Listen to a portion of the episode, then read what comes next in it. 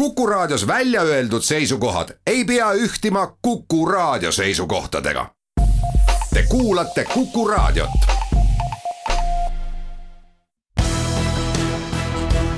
olukorrast ajakirjanduses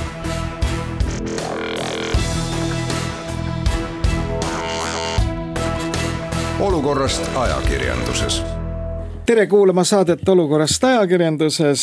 viinavabriku kõrval on koha sisse võtnud üks vanamees ja üks noormees, kes sai eile äh, aasta nooremaks palju õnne, Väino.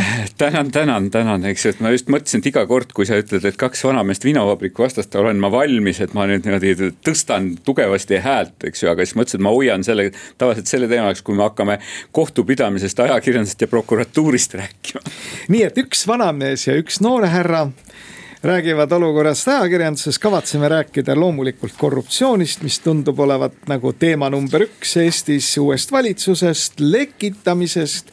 ja siis on meil hulk telegramme, nii et püsige meiega eh, kui me vaatame seda, mis on põhiteemaks kujunenud Eesti ajakirjanduses viimase nädala jooksul, siis tundub, et see on eh, noh, kõiki liigutav küsimus, mis on korruptsioon ja kas korruptandid peaksid olema valitsuses, valitsuse lähedal, aukodanikud ja üldse et korruptsioon on üks asi, millega ühiskond peab nüüd hakkama otsustavalt võitlema. eks see muidugi on üks ajakirjanduse põhilisi ülesandeid, eks ju, et kuidas kriitiliselt jälgida poliitilise majanduse võimu teostamist ja kus teostatakse, teostatakse teostatakse, mitte ei teotata poliitilist ja majanduslikku võimu, eks seal tegelikult tekib väga palju neid olukordi, kus äh, võib äh, pragudest sisse hiilida seesama korruptsioon.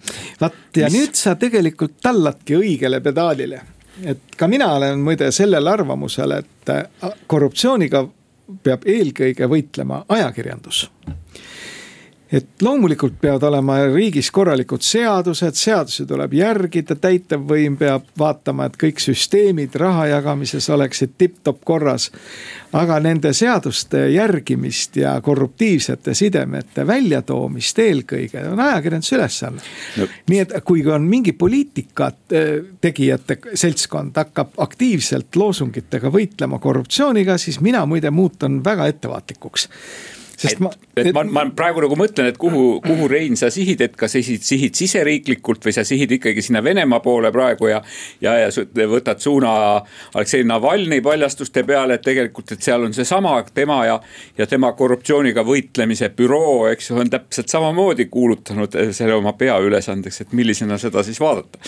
vaat, aga minul on ka samasugune küsimus, et kui tuntud Vene opositsioonipoliitik väidab et äh, sisuliselt pani selle filmi, mis on Youtube'is kõigile vabalt kättesaadav, soovitame huvitav ja, materjal va. vaatasime saate alguses just parajasti, et Youtube'is äh, Aleksei Navalnõi ja tema meeskonna tehtud filmi Putini suvilast siis Gelendzhikis, seal on kaunil, kaunil äh, puhkepiirkonnas, eks ju, mis väidetavalt on maksma läinud üks koma üks miljardit sihukest suurt numbrit ei teagi, üks koma üks miljardit eurot.